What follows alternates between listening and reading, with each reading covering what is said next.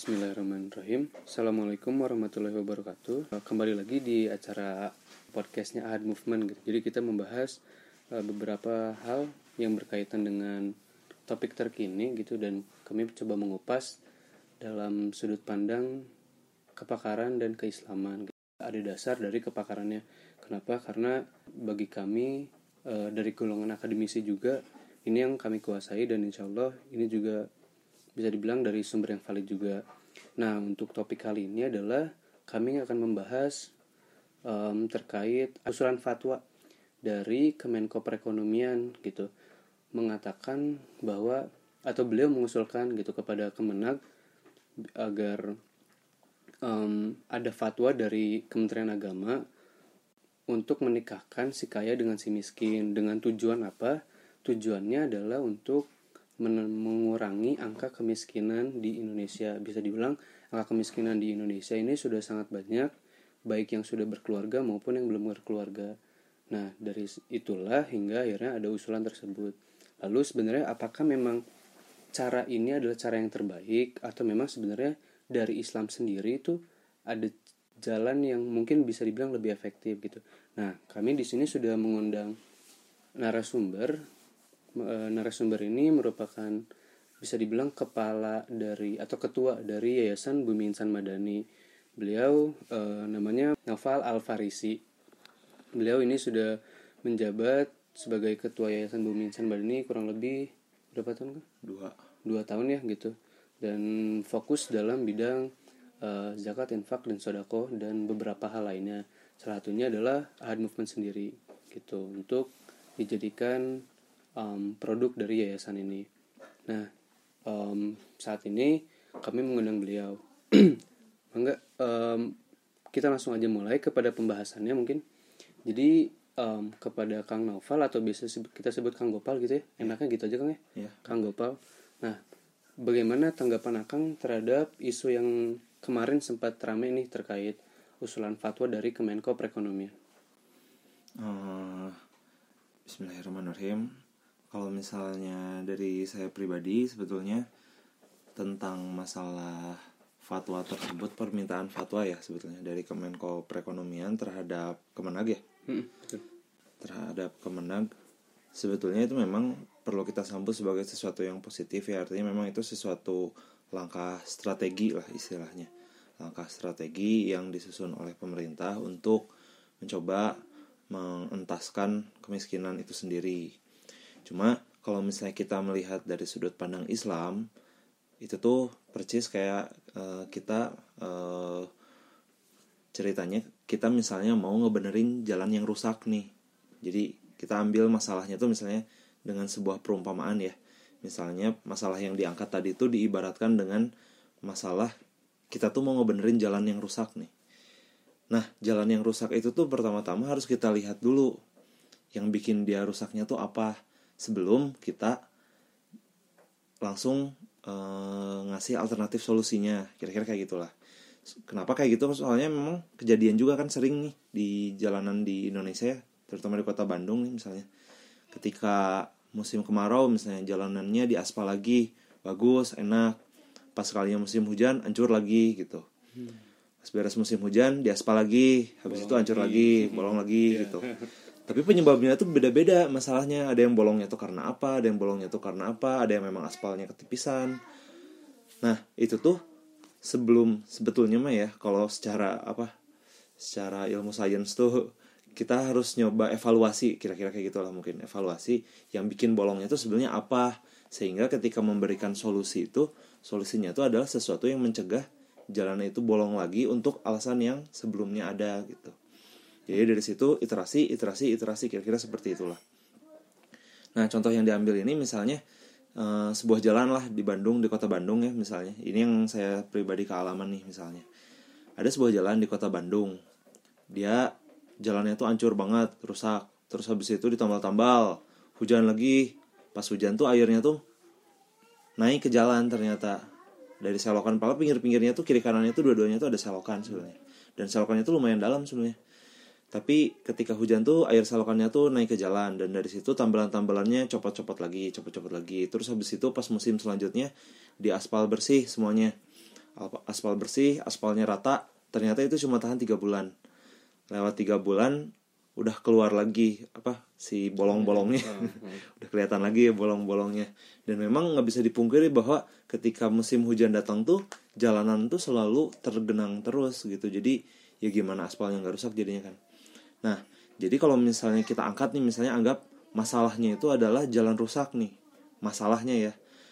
Kita tanya balik apakah itu tuh beneran masalahnya atau itu tuh baru indikator masalah? Hmm. bisa jadi masalah utamanya itu bukan jalan rusak sebetulnya mah tapi sesuatu yang lain. Sekarang kita track dikit-dikit ya jalan rusaknya karena apa? Misalnya untuk yang hu- khusus jalan yang tadi ya ya karena air dari sungainya atau air dari selokannya tuh eh, tumpah ke jalan ketika musim hujan. Yang bikin itu tumpah tuh apa? Karena misalnya sampahnya nyumbat misalnya di gorong-gorongnya. Yang bikin sampahnya nyumbat tuh apa? Gitu. Oh ternyata karena orang-orangnya buang sampah sembarangan. Yang bikin orangnya buang sampah sembarangan tuh apa? Hmm. nah jadi itu tuh bisa di track terus sampai ke bener-bener ke akar masalahnya banget gitu. Kalau misalnya akar masalahnya tuh nggak kena kita mau oh yaudah langsung aja solusinya. Tambah lagi aspal ulang lagi aspal ulang lagi. Ya itu nggak akan nggak akan beres-beres ya jadinya. Gitu lagi ya. pasti bakal gitu lagi pasti bakal gitu lagi. Dan yang kejadian di jalan tersebut ujung-ujungnya karena memang pem- apa si pemda atau pem pemkabnya juga udah ngerasa bosan lah ya ini ah, saya udah ngaspal terus di sini tapi rusak terus rusak terus ya udahlah beton aja sekalian Banyak So- sih gitu ya sekarang. ya. Heeh, banyaknya tuh kayak gitu. Jadi ya udahlah ngambil jalan pintas aja. Seolah-olah itu tuh sebenarnya kayak nyelesain satu masalah padahal itu tuh baru nyelesain satu indikator masalah sebetulnya mah. Kenyataannya walaupun udah di beton pas musim hujan sebenarnya air air hujannya atau apa air selokannya tetap tumpah lagi aja ke jalan. Jadi sebenarnya akar masalahnya tuh nggak kena gitu. Nah terkait yang permintaan fatwa tadi pun bisa jadi sebetulnya eh, ada sisi atau ada sudut pandang yang seperti itu. Jadi kalau kita sebagai muslim sebagusnya atau se- ya sebaiknya ya sebaiknya kita menganalisa sebuah masalah tuh benar-benar mencari akar masalahnya tuh apa. Dan kira-kira apa? Kira-kira ini mah kira-kira aja sebetulnya. Kita bisa tahu akar masalahnya apa tuh? Kira-kira dari mana sih? Ternyata itu tuh sudah Allah ajarkan di awal banget Al-Quran turun ketika Nabi Muhammad akan diangkat menjadi Nabi apa ayat pertama turun apa Ikro. ah ikro ikronya habis itu apa Bismillahirrahmanirrahim. khalaq. Nah, Iqra bismi. Jadi kondisinya waktu itu Nabi Muhammad eh, Muhammad ya, sebelum diangkat menjadi nabi, Muhammad Muhammad itu mencoba mengubah eh, kaumnya ceritanya. Mencoba mengubah kondisi kaumnya dengan ikut apa, ikut apa, ikut apa, berjuang dengan sebuah gerakan apa dan lain-lainnya. Tapi tidak membuahkan hasil makanya eh, di tahun 40-nya di tahun di usia ke-40-nya eh, beliau bukan bukan bertapa diri, ya nah mengasingkan diri ada istilah bahasa Arab cuma saya lupa apa. Sebenarnya bukan bukan bukan sekedar mengasingkan diri ya tapi itu tuh dalam rangka evaluasi sebetulnya. Karena usia 40 tahun tuh dari se- seorang manusia tuh itu tuh udah dua per tiga hidupnya lah kira-kira kayak gitu. Dan itu tuh kalau banyak orang bilang dua per tiga hidup tuh itu udah batas akhir evaluasi. Artinya ketika dua per tiga akhir hidupnya tuh sudah terlewati ya satu per tiga akhirnya insya Allah bakal kayak gitu terus gitu. Jadi momen evaluasinya tuh ada di sana. Nah Nabi Muhammad melakukan itu dia menyendiri mencoba mencari jawaban sebetulnya selama ini tuh apa sih yang salah. Dan dari situ datanglah malaikat Jibril menyampaikan wahyu dari Allah ikro bacalah. Terus Nabi Muhammad bilang saya nggak bisa baca. Bacalah saya nggak bisa baca. Bacalah saya nggak bisa baca. Maksudnya di sini tuh apa? Ternyata maksudnya Nabi apa masuk maksudnya malaikat Jibril itu bukan sekedar membaca tulisan gitu. Karena kalau misalnya membaca tulisan Muhammad itu adalah seorang yang ummi ya kan? Dia memang tidak bisa baca gitu. Makanya oleh oleh Muhammad dijawab saya tidak bisa baca gitu. Tapi oleh oleh Jibril di- diteruskan ayatnya ikro bismi robikal ladzi khalaq. Jadi bacalah atas nama Robmu yang menciptakan. Jadi apa? Kondisi masyarakat yang tepararuguh itu ya ceritanya. Entah kayak gimana apa pun masalahnya sebetulnya bisa disolusikan dengan cara apa? Cari akar masalahnya. Dan akar masalahnya tuh apa? Baca. Baca pakai kacamata Allah yang sudah menciptakanmu gitu. Oke. bacalah ikro bismi robbikal ladzi khalaq ya.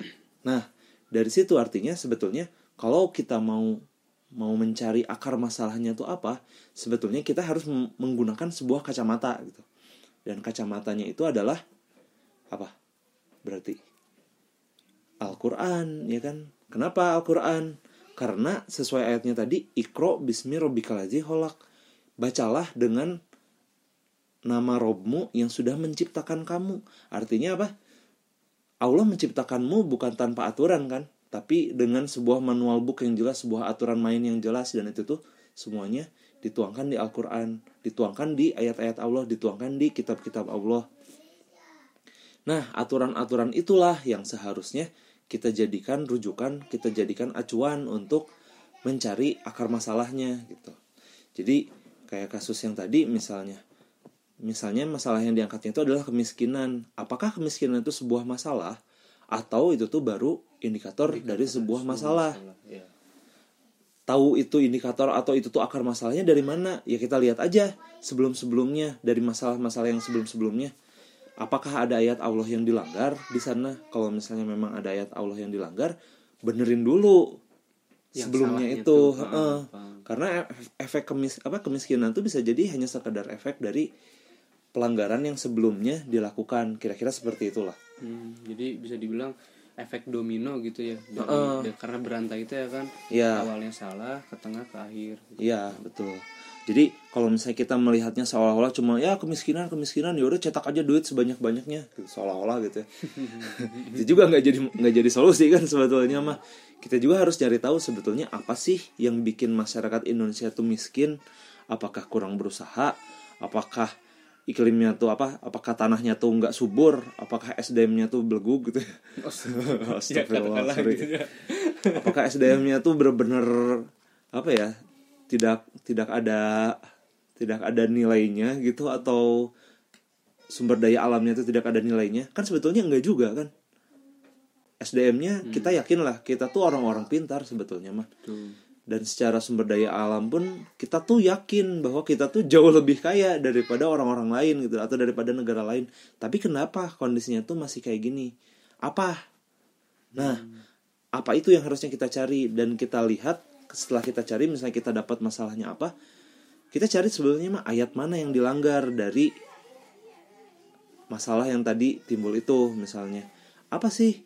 Oh ternyata karena apa-apa-apa si apa-apa itu tuh dia tuh melanggar ayat apa surat apa gitu kan. Melanggar aturan Allah yang mana gitu. Karena Allah sudah menciptakan manusia itu lengkap dengan aturan mainnya gitu. Kira-kira kayak gitulah. Ya jadi kalau bisa dibilang memang karena Al-Quran ini berisi apa ya eh, bisa aturan gitu ya atau peringat aturan dan eh, kabar gembira gitu ya bisa dibilang. Dan mungkin dari peraturan itu juga bisa jadi gitu ada yang dilanggar karena eh, maksudnya berawal dari berawal dari kemiskinan apakah memang ini sudah maksudnya indikator bilang gitu tadi indikator sebuah masalah atau memang masalah sebenarnya gitu. nah menurut dari Kang Gopal sendiri kira-kira apa nih yang yang menjadi dasar gitu? Kenapa ini kemiskinan di Indonesia angkanya sangat-sangat tinggi nih?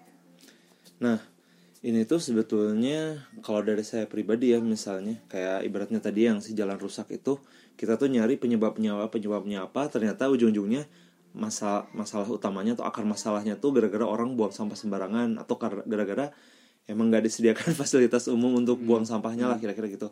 Atau karena bisa jadi apa lingkungannya tuh memang lingkungan yang mendidik dia untuk banyak nyampah misalnya karena banyak belanja banyak kemasan yang nggak bisa didaur ulangnya dan lain-lainnya jadinya ya orang juga mau nggak mau dipaksa nyampah sembarangan lah kira-kira. Ya, so- ya. seperti itulah kira-kira ya jadinya.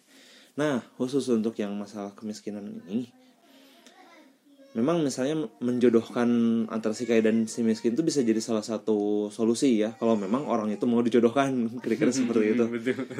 Tapi kalau menurut saya pribadi sebetulnya mah itu bisa jadi nggak terlalu ngefek apa-apa kalau sistem ribanya masih ada. Hmm. Jadi eh kalau kita berkaca pas zaman Rasulullah dahulu ya atau misalnya kita lihat zaman setelah Rasulullah misalnya, kita melihat zaman yang paling-paling makmur itu adalah ketika zaman siapa? Umar bin Umar bin Abdul Aziz ya. Umar bin Abdul Aziz itu adalah cucunya atau cicitnya. Cicit, cicit. Cicitnya Umar bin Khattab ya sebetulnya. Dia masih keturunan dari Umar bin Khattab. Tapi ketika Umar bin Abdul Aziz itu menjadi khalifah, walaupun cuma sebentar ya cuma berapa dua tahun ya? dua tahun 8 bulan saya. Dua tahun delapan bulan. Nah, beliau berhasil membawa peradaban Islam itu menjadi peradaban yang paling eh, paling kaya. Paling kaya di sini itu artinya itu adalah paling tidak ada orang miskin di sana. Indikatornya apa sebetulnya? Kaya dan miskinnya tuh. Indikatornya itu adalah dari zakat. Jadi ketika zaman Umar bin Abdul Aziz, orang-orang tuh apa berlomba-lomba mengeluarkan zakatnya sampai bilang ini saya udah kelebihan nih saya harus ngeluarin zakat saya siapa yang mau nerima kamu mau nerima enggak terus kata si B nya tuh enggak saya juga sama saya juga kelebihan saya harus ngeluarin juga kamu mau nerima enggak jadi saking banyaknya orang yang sudah berkecukupan mau nyari orang miskin tuh susah buat ngasihin zakatnya. Padahal dia tuh memang sudah harus punya kewajiban untuk mengeluarkan zakat kan jadinya. Tapi bingung nyari orang miskinnya tuh di mana? Saya harus ngeluarin zakat dikasihin ke siapa nih? Orang miskinnya tuh nggak ada. Nah kira-kira kayak gitu. Jadi indikator yang paling paling jelas lah ya istilahnya eh, takaran cukup atau takaran miskin dan kaya tuh kira-kira mungkin seperti itu nah dan memang eh, di Islam atau dari zaman Rasulullah pun sampai zaman Umar bin Abdul Aziz itu tuh memang yang namanya Ziz itu benar-benar digalakan gitu ya. Benar-benar digalakan. Tapi sebetulnya itu juga jadi pertanyaan gitu. Kalau memang solusinya itu adalah hanya ziz saja gitu menggalakkan ziz menggalakkan zakat infak sodakoh kan sekarang juga bukannya udah ya nggak sih? Bener, banyak lah ya di sini. nah iya Mm-mm. jadi sekarang juga sebenarnya banyak ZIS tuh dari ada Basnas, ada yayasan-yayasan juga ngambil ZIS, dari DKM-DKM masjid juga ngambil ZIS. Penyalurannya pun kita bisa melihat misalnya memang ada yang disalurkan, ada yang disalurkan, ada yang disalurkan gitu. Tapi kenapa itu tuh nggak jadi solusi? Hmm. Nah, makanya itu kayak tadi si jalan rusak misalnya. Jalan rusak kita nyoba ngelihat masalahnya apa? Oh, ternyata eh, saluran selokannya mampet nih. Kita harus nyari tahu lagi apa sih sebetulnya yang bikin dia mampet gitu. Hmm. Jadi kita nyari lagi, nge-tracking lagi ke belakang apa sih yang jadi masalahnya. Nah, dari ZIS itu sendiri, nah kalau kita lihat eh, ininya ya atau apa ya? Kita lihat dasarnya mungkin ya. ZIS atau zakat, infak dan sodako kalau kita rinci, zakat itu adalah apa? Men- apa ya? Menyalurkan ya. Zakat itu adalah sesuatu yang kita keluarkan untuk tujuannya adalah untuk menyucikan. Karena zakat itu dasar katanya itu dari zaki. Jadi tujuannya itu adalah menyucikan harta kita. Kenapa menyucikan harta kita? Berarti harta kita kotor dong. Sebetulnya iya. Iya, iya. Bisa Kenapa? dibilang. Karena Hmm. iya ada hak orang lain yang ada di sana. Makanya yang memang eh, punya kewajiban mengeluarkan zakat itu adalah yang sudah memenuhi nisab dan haulnya kan gitu. Untuk zakat fitrah misalnya memang itu mah ketika akhir bulan Ramadan atau ketika bulan Ramadan ya itu nisab dan haul haulnya eh, tercukupi di sana sehingga orang-orang harus mengeluarkan di sana. Adapun misalnya untuk zakat mal adalah yang minimal misalnya mempunyai harta kekayaan sejumlah sekian gitu kan. Artinya ada batasannya, nggak semua orang mengeluarkan zakat. Lalu infak, infak tuh apa? Infak dasar katanya dari nafako. Nafako tuh sebenarnya satu dasar kata juga sama munafik sebetulnya mah. Jadi yang namanya infak tuh sebenarnya lebih ke pembuktian kalau saya ini adalah bukan munafik gitu. Makanya kalau kita melihat di ayat-ayatnya ada sampai ayat-ayatnya yang membah yang apa yang berkata atau membahas keluarkanlah infak itu baik di kala lapang ataupun sempit ya kan. Di kala susah ataupun senang eh ayatnya gimana sih? Lapang sempit terus siang atau malam ya kan ya. Kira-kira seperti itu artinya apa? Sebenarnya yang namanya infak itu harusnya wajib sih sebetulnya. Oke. Jadi mungkin orang-orang banyak salah ada sedikit miss juga mungkin ya. Karena memang ayat-ayat yang dibahas paling banyak di Al-Quran itu sebetulnya paling banyaknya malah infak sebetulnya. Nah untuk sodakoh gimana? Sodakoh itu adalah eh, satu dasar sodako sidik ya itu tuh satu dasar kata dengan sidik sebetulnya mah jadi kalau misalnya kita lihat Abu Bakar asidik kenapa Abu Bakar disebut asidik karena selalu membenarkan. Nah itu. Jadi yang namanya sodako itu adalah aksi seseorang untuk membenarkan sesuatu. Sebetulnya mah kayak gitu gitu. Nah membenarkannya tuh caranya tuh ada banyak sebetulnya mah. Makanya sampai disebutkan senyum itu adalah sodakoh ya. Hmm, kenapa? Karena ketika seseorang senyum itu artinya dia tuh membenarkan ucapan seseorang atau mengiyakan ucapan seseorang. Itu tuh sodakoh buat dia dia mengiyakan gitu. Kita mengeluarkan sesuatu pun itu bisa jadi sodakoh. Artinya kita membenarkan sebuah program mengiyakan sebuah anjuran misalnya. Itu artinya sodakoh juga sama. Nah dari tiga hal itu tuh sebetulnya bisa jadi tiga-tiganya sudah jalan gitu ya. Tapi ada hal yang terlewat. Apa tuh? Nah, kita harus lihat dulu makanya ketika zaman Rasulullah gitu. Kalau misalnya kita melihat cuma zaman Umar Umar bin Abdul Aziznya, kita melihat dari sisi zisnya saja, itu tuh kurang lengkap. Kita harus melihat dulu ke zaman Rasulullahnya. Jadi ternyata, nah, jadi nih ternyata pas zaman Rasulullahnya, ternyata Rasulullah tuh bukan hanya memperjuangkan eh, memperjuangkan tegaknya perintah untuk zis.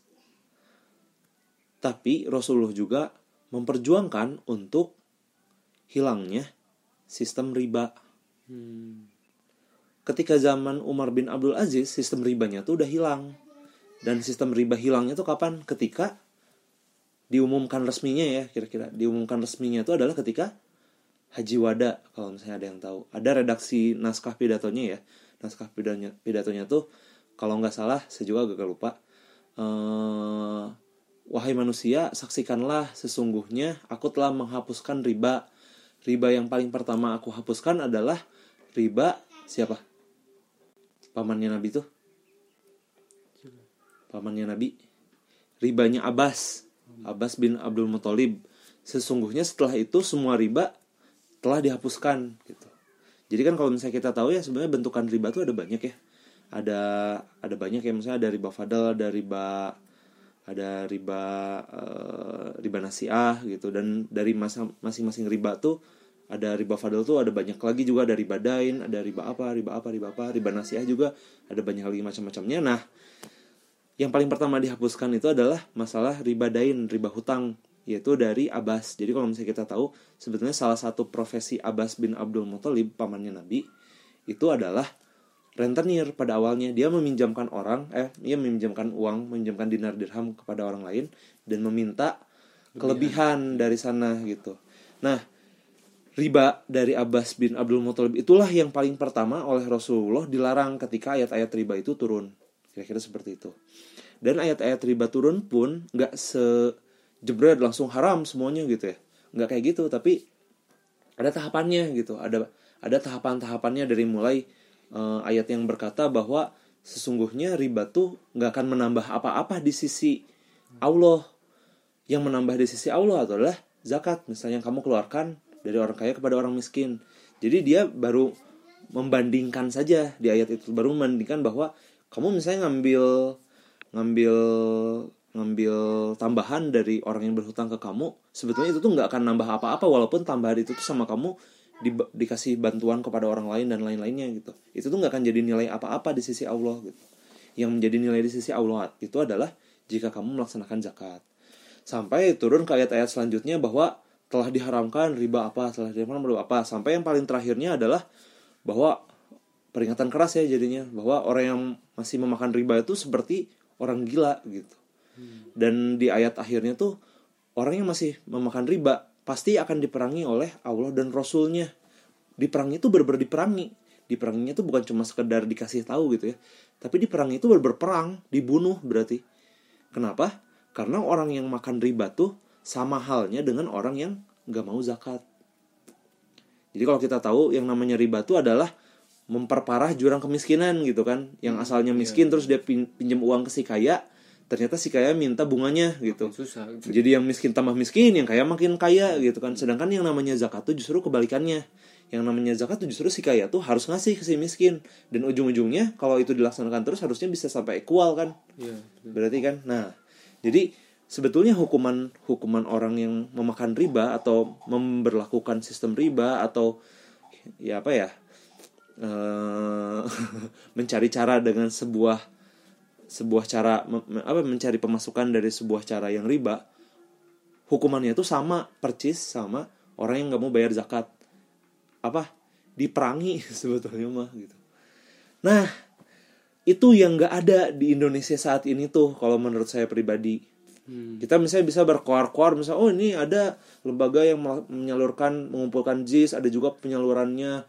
Ada badan yang menghimpun orang-orang miskin dan lain-lainnya misalnya tapi selama sistem di Indonesia nya sendiri masih menganut sistem ribawi itu tuh bullshit itu tuh omong kosong semuanya tuh nggak akan ada efeknya sebenarnya karena akar masalahnya sendiri tuh nggak pernah dibahas nggak ada yang berani ngebahas gitu. Tapi Kang Gopal berani nih. ya Oke. Iya mau nggak mau ya karena memang saya seorang muslim dan ditanya dari sudut pandang eh, Islam seperti apa ya saya jawab saja sejujur jujurnya gitu ya. Ya kira-kira seperti itulah mungkin. Dan kalau saya pribadi menilai sebetulnya mulai akhir-akhir tahun milenial sekarang tuh ya sebenarnya mulai banyak sih orang yang benar-benar mulai aware tentang masalah riba gitu. Mulai kan banyak grup-grupnya yang bermunculan ya misalnya ex ex bankir, terus apa ya masyarakat tanpa riba, komunitas tanpa riba, pengusaha tanpa riba, terus apa ya riba riba krisis center. Itu tuh awal mula yang bagus sebetulnya. Jadi orang-orang tuh mulai aware tentang masalah riba dan riba tuh bu- ternyata bukan cuma sekedar bunga bank saja gitu ya istilahnya tuh. Tapi sesuatu yang eh, besar dan sangat sistemik gitu. Jadi urusannya bukan cuma sekedar masalah hutang piutang begitu saja, tapi bisa jadi nyangkut sama mata uangnya itu sendiri kalau ngomongin riba tuh. Jadi artinya itu benar-benar masalah yang dalam dan solusinya pun nggak bisa sekedar solusi yang yaudah besok kita terapkan seperti ini itu nggak akan bisa gitu. Solusinya tuh harus sebuah solusi yang memang mengikat kepada seluruh masyarakatnya. Artinya memang harus mau dilaksanakan secara bersama oleh masyarakatnya. Ada badan pengawasnya atau ada orang yang mengawasinya, ada orang juga yang menyuruhnya, dan juga ada badan hukumnya atau badan apa ya? Bukan badan hukum sih ceritanya apa ya? Ada lembaganya yang menjamin kalau misalnya itu tidak dilakukan, artinya ada pelanggaran, maka pelanggaran itu harus dihukum gitu. Ada hukumannya dan hukumannya harus memang sesuai dengan hukuman Islam. Kira-kira seperti itu sebetulnya mah. Nah, tapi sebenarnya kalau misalkan memang secara secara memang kalau bisa dibilang kan secara secara kerja nih ya gitu ya, secara alur kerjanya gitu. Ya. Bisa dibilang sebenarnya kan eh, sudah ada ya eh, ya mungkin sebutannya beda, sebutannya adalah pajak misalkan. Apakah sebenarnya itu memang dapat membantu untuk mengurangi angka kemiskinan itu sendiri? Tentang pajak ya sebetulnya. Eh, tentang pajak tuh sebetulnya banyak orang yang menyandingkan itu tuh sama seperti ZIS ya. Kira-kira seolah-olah seperti seperti itulah gitu. Walaupun pada kenyataannya sebetulnya hmm, beda juga sebetulnya makan. Kalau kita lihat ZIS tuh dia punya pedoman, artinya pedoman tuh eh, takaran yang diambilnya tuh seberapa, disalurkannya tuh ke mana, gitu kan? Dan kalaupun misalnya si petugas yang ngambil ZIS-nya itu dia tuh dapat, dapatnya tuh segimana gitu. Jadi pos-pos alokasi-alokasi dananya tuh ada. Kalau misalnya kita bisa sebutkan misalnya ada di surat apa sih? Saya juga lupa surat apa yang tentang 8 asnaf itu. 8 asnaf penerima zakat ya. Nah, di situ sebetulnya kita bisa melihat ada eh, apa ya? Misalnya ada eh juga lupa. Ada Ibnu Sabil misalnya terus ada apa lagi? Yang secara definisi bisa jadi mungkin kita tuh keliru mendefinisikan istilah-istilah penerima itu tuh dari mulai fakir, miskin, terus habis itu apalagi sih? Gorimin ya, Gorimin itu orang yang berhutang, terus habis itu apalagi? delapan asnaf tuh mualaf, terus habis itu eh saya juga lupa apalagi ya gitu. Tapi yang terakhir-akhirnya tuh ada Ibnu Sabil sama yang terakhir tuh untuk untuk apa? Pengurusnya. Untuk pengurusnya juga iya untuk pengurusnya, tapi yang terakhir tuh untuk visabilillah nah, untuk di jalan Allah gitu. Jadi sebetulnya ZIS itu kalau misalnya kita berkaca pada Nabi Muhammad dulu yang namanya ZIS tuh ketika dikumpulkan itu tuh jadi operasional sebenarnya. Jadi eh, salah satu sumber pemasukan untuk BOP. untuk anggaran kerja untuk anggaran belanja dari pemerintahan Nabi Muhammad itu sendiri ceritanya. Kira-kira seperti itu. Jadi sebenarnya kalau memang kita mau mengadopsi ke sana sebetulnya nggak perlu ada pajak sebetulnya. Kenapa? Karena yang namanya pajak tuh malah ketika pas zaman Rasulullah yang namanya pajak tuh diberlakukan kepada orang orang yang non muslim ya. Jadi orang yang non muslim dia ingin hidup di wilayah muslim yang notabene tidak ada ribanya dan mereka ingin merasakan kayak gimana sih kehidupan tanpa ada sistem riba tuh itu tuh enak loh gitu. Itu tuh iklan sebetulnya buat orang-orang yang belum belum apa belum masuk Islam untuk ikut masuk ke Islam. Nah ketika mereka misalnya namanya istilahnya kafir zimi ya. Hmm. jadi orang yang tidak mau memeluk Islam tapi dia ingin hidup di wilayah yang hukumnya hukum Islam. Nah orang-orang yang seperti itu itu di, diwajibkan membayar jizyah dan jizyah itu sebetulnya itulah pajak gitu. Secara takaran jizyahnya tuh bisa jadi beda-beda. Tergantung dia dikasih keputusannya atau dikasih eh, takarannya oleh hakimnya tuh seperti apa misalnya. Ada memang suatu wilayah yang jizyahnya tuh kecil. Ada suatu wilayah juga yang jizyahnya tuh besar. Ternyata alasannya memang beda-beda. Yang satu kecil karena memang lagi paceklik misalnya panennya hmm. sehingga uh, yang bisa disumbangkan pun uh, terbatas sedangkan yang besar karena memang sedang panennya besar misalnya dan lain-lainnya gitu ya. Nah itu tuh nggak nggak fix dipatok misalnya wajib semuanya 100 juta misalnya per tahun misalnya. Atau 10% flat per tahun misalnya. Nggak kayak gitu dan itu uh, apa tergantung kebijakan ulil amrinya saat itu kira-kira seperti itulah. Jadi itu tuh sangat mengakomodir sebetulnya mah gitu. Kira-kira seperti itulah. Jadi bisa dibilang sebenarnya uh, pun ada pajak yang dulu juga sebenarnya sebutannya pajak lah ya kita sebut pajak yang yeah. dulu tuh juga sebenarnya memang melihat bagaimana kondisi dari uh, masyarakatnya gitu sebenarnya yeah. kan bisa dibilang kayak uh, persentasenya pun uh, mengikuti sesuai dengan kemampuan bisa bilang kan seperti itu. Ya dan kalau misalnya dibandingkan secara nominalnya dibandingkan dengan uh, hasil pengumpulan dari ZIS-nya itu sendiri, ZIS yang dari umat muslimnya itu sendiri, sebenarnya itu jauh banget. ZIS itu jauh lebih gede daripada jizyah jizyahnya daripada hmm. pajaknya itu ya. Jadi seolah-olah kayak pajak tuh atau jizyah itu tuh lebih ke uang keamanan seolah. Okay. Banyak yang bilang tuh seperti itu gitu. Hmm. Karena sebenarnya uh, bisa dibilang kan memang hidup di di sistem yang bisa dibilang base-nya Islam gitu ya. Uh -uh. Uh, apa? Jadi bisa dibilang kayak untuk keamanan aja kan gitu. Iya. Hmm. Dan ketika seseorang kafir zimmi itu membayar jizyah, dia tuh dilindungi, benar-benar dilindungi oleh pemerintahan Islam. Kalau misalnya dia ada ketidakadilan benar-benar akan dibantu kalau misalnya dia diperangi akan dibela kira-kira seperti itu kan ya makanya istilahnya jadi uang keamanan sebetulnya ya kira-kira seperti itu gitu. Hmm.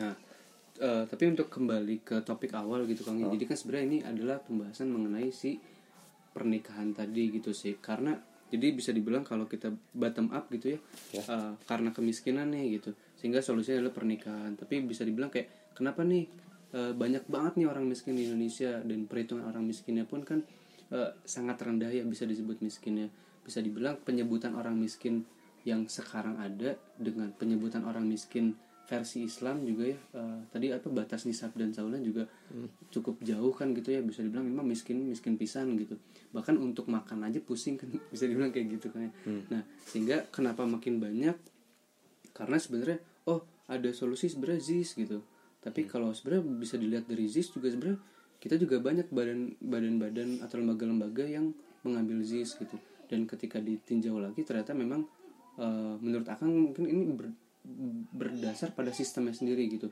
Yeah. Selagi masih ada riba sebenarnya ya mungkin akan menambah nilai pada orangnya saat ini gitu. Tapi jujur mungkin di mata Allah mungkin itu ayatnya juga ya gitu. Di mata Allah itu tidak ada uh, nilainya sama sekali. Gitu kan. Iya, kira-kira seperti itu.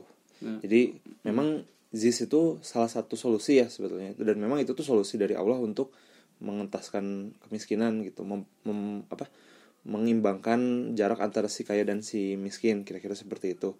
Tapi balik lagi kalau misalnya kita hanya melaksanakan satu ayat saja itu itu belum menyelesaikan masalahnya. Karena akar masalahnya masih ada lagi yang lain gitu. Jadi kita harus bisa melihat uh, sebuah permasalahan tuh secara kafah mungkin ya secara kafah dan menggunakan sudut pandang Al-Quran seluruh ayatnya bukan cuma satu atau dua ayatnya saja tapi seluruh ayatnya. Memang jis misalnya salah satu ayatnya tapi ada ayat lain juga yang menyebab yang menyebutkan riba itu haram gitu.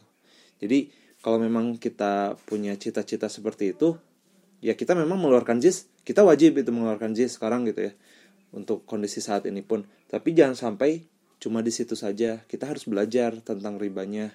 Kita harus cari tahu sebetulnya riba itu apa macam-macamnya tuh apa bentuknya sekarang-sekarangnya tuh apa yang sistemiknya tuh seperti apa kenapa riba tuh menjadi sesuatu yang epidemik lah ya istilahnya. Oke. kalau pas zaman waktu pemilu kemarin tuh istilahnya apa? Masif masif terstruktur. terstruktur dan sistematis. sistematis ya itu. Sebuah kejahatan yang seperti itu memang yang namanya riba tuh gitu. Jadi kita pun nggak bisa melawannya dengan sesuatu yang eh ya saya cuma keluar-keluar di jalanan aja gitu. Berharap didengar terus diubah nggak akan bisa itu. Jadi harus sesuatu yang kalau kita memang mau memperjuangkan eh, masalah kemiskinan dan mem- memperjuangkan dari eh, hilangnya riba itu sendiri kita pun harus membuat sebuah solusi yang masif sistematik dan, dan terstru- terstruktur terstruktur gitu. Dan itu tuh nggak mungkin bisa dicapai kalau memang kitanya sendiri masih terpecah belah. Jadi kitanya harus benar-benar bersatu sebetulnya. Ketika kita oh, oke. Ya. Jadi bisa dibilang memang untuk mengentaskan kemiskinan ini kita tidak bisa individu juga gitu Iya. ya karena memang sistemnya masih sistem ribawi. Lalu kira-kira nih apa nih yang bisa kita lakukan sebagai pemuda gitu? Bisa dibilang kayak kita orang-orang yang masih milenial nih gitu Hmm. yang masih bisa dibilang semangatnya masih tinggi banget nih untuk mengentaskan kemiskinan lewat jalur Islam gitu bisa dibilang. Kira-kira apa nih yang bisa kita lakukan? Pertama yang paling paling eh, paling mendasarnya ya mungkin kita pelajari ayat-ayat Al-Quran terutama ayat-ayat tentang riba. Kita cari tahu riba itu bentukannya apa seperti apa saja kenapa sesuatu itu disebut riba kenapa yang ini tidak disebut riba pembedanya itu apa. Kita lihat sistem sekarangnya seperti apa. Kita baca kita ikro dari sistem yang sekarang ada salahnya tuh di mana? Ngelanggar ayatnya tuh di mana? Nah poin-poin itu kita catat kita kumpulkan. Lalu kita solusikan ceritanya. Terus misalnya yang keduanya tetap kita bayar jis juga ya karena yang namanya jis mau nggak mau memang itu mah kewajiban buat kita gitu. Dan yang ketiga karena tadi ngomonginnya masalah yang diangkatnya masalah pernikahan gitu ya. Yang ketiga jangan pacaran. Oke siap siap. Kenapa kenapa itu sebenarnya memang menikahkan antar si kaya dan miskin bisa jadi gitu ya salah satu solusi.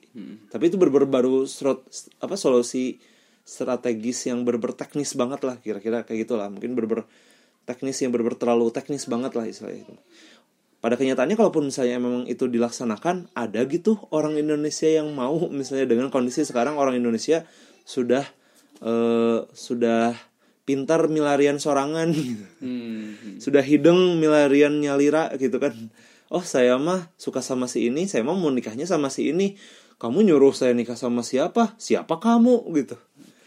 Artinya kalau misalnya memang masyarakat Indonesia nya sendiri dididik untuk berpacaran ya insya Allah solusi dari solusi dari siapa tadi Kemenko Perekonomian. Ya dari Kemenko Per- Perekonomian yang di disalurkan ke Kemenag. Ya insya Allah ambiar. Siapa yang mau taat gitu lah istilahnya mah untuk solusi seperti itu. Sedangkan kita lihat kita lihat sendiri juga misalnya di TV TV juga isinya sinetron sinetron apa? Lagu lagu apa? Mindset anak-anak kita tuh dididik untuk seperti itu gitu. Jadi kalau misalnya kita mau mengarahkan mereka untuk menikah yang kaya dan yang miskin misalnya kayak gitu-gituan. Artinya kita mengatur pernikahan mereka sedangkan kita sendiri pada kenyataannya di kehidupan sehari-hari membiarkan mereka terpapar oleh virus bergaul bebas gitu kan. Jadinya bener-bener ironis. Itu terlalu ironi kalau buat saya sih. Jadi ya bisa bilang agak cukup nggak nyambung ya behavior orang-orang sekarang gitu Iya. bagaimana mereka hidup. Iya. hingga akhirnya juga uh, ada ada ada usulan seperti itu lah jadi bisa bilang mungkin uh, usulan tersebut bisa dibilang positif dalam artian mungkin uh, pemerintah masih memikirkan uh, masyarakatnya gitu tapi dalam sisi lain mungkin ada jalur yang lebih efektif gitu dan lebih nyata bisa dibilang gitu kan Ya, makanya memang tadi balik lagi ke uh, ayat yang pembukanya Ikro bismillahirrahmanirrahim holak. Dari yang kejadian sekarang tuh ayat mana saja nih yang dilanggar? Kita harus bisa melihat semua apa masalah-masalahnya tuh dari kacamata Al-Qur'an ayat mana saja yang dilanggar. Tentang riba itu memang salah satu ayat yang dilanggar gitu ya.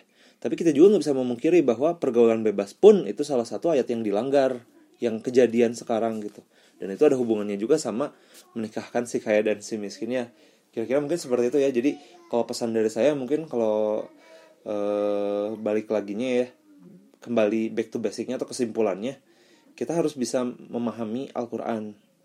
Di Al-Quran itu itu seperti sebuah manual book. Jadi kalau misalnya kita beli motor Honda kita kan pasti dapat tuh manual booknya. Di sana ada aturannya oh ternyata baru boleh servis tuh setelah kilometer berapa misalnya. Terus hal-hal yang perlu dicek dicek ketika terjadi sesuatu tuh apa. Kalau misalnya bantu bocor Iya, gimana? penanganan itu seperti apa. Pressure ban tuh e, seberapa besar pressure-nya ternyata ada di manual book. Nah hal yang seperti itu tuh itu sebenarnya guidance untuk si motornya sendiri itu. Nah begitupun dengan manusia gitu. Jadi Allah ikro bismi rabbikal ladzi khalaq Allah sudah menciptakan manusia. Dan nggak mungkin menciptakan manusia tuh nggak ngasih aturannya gitu. Jadi kalau misalnya Allah bilang aku sudah menciptakan kamu maka lihat lagi aturannya gitu aturan main untuk si manusia sendiri itu tuh seperti apa? Ya aturan tuh berarti menyeluruh ya. Bukan cuma sekedar aturan antara saya dan Allah saja gitu. Tapi saya dengan Allah saya dengan masyarakat yang lain saya dengan alam saya dengan lingkungan itu pun ada aturannya semuanya di Islam. Sekedar masuk ke WC aja ada doanya gitu kan ya. Bangun tidur mau tidur aja ada doanya gitu. Artinya memang Islam tuh mengatur hidup seorang manusia tuh full secara keseluruhan. Nah, Islam yang kafah seperti itulah yang harus kita pelajari. Jangan kita sekedar mengaplikasikannya tuh setengah-setengah. Kita melihat satu ayat tapi tidak mau melihat ayat yang lain. Gitu. Jadi misalnya mungkin orang-orang sudah banyak yang nyadar ya misalnya oh pacaran pacaran ya memang nggak boleh pacaran di Islam boleh pacaran tapi nggak ngebahas juga tentang ribanya misalnya jadi itu sebetulnya di balik itu tuh semuanya tuh berkaitan sebetulnya jadi gitu kalau pesan dari saya, mari kita sama-sama mengkaji Al-Qur'an juga, kita pelajari eh, apa?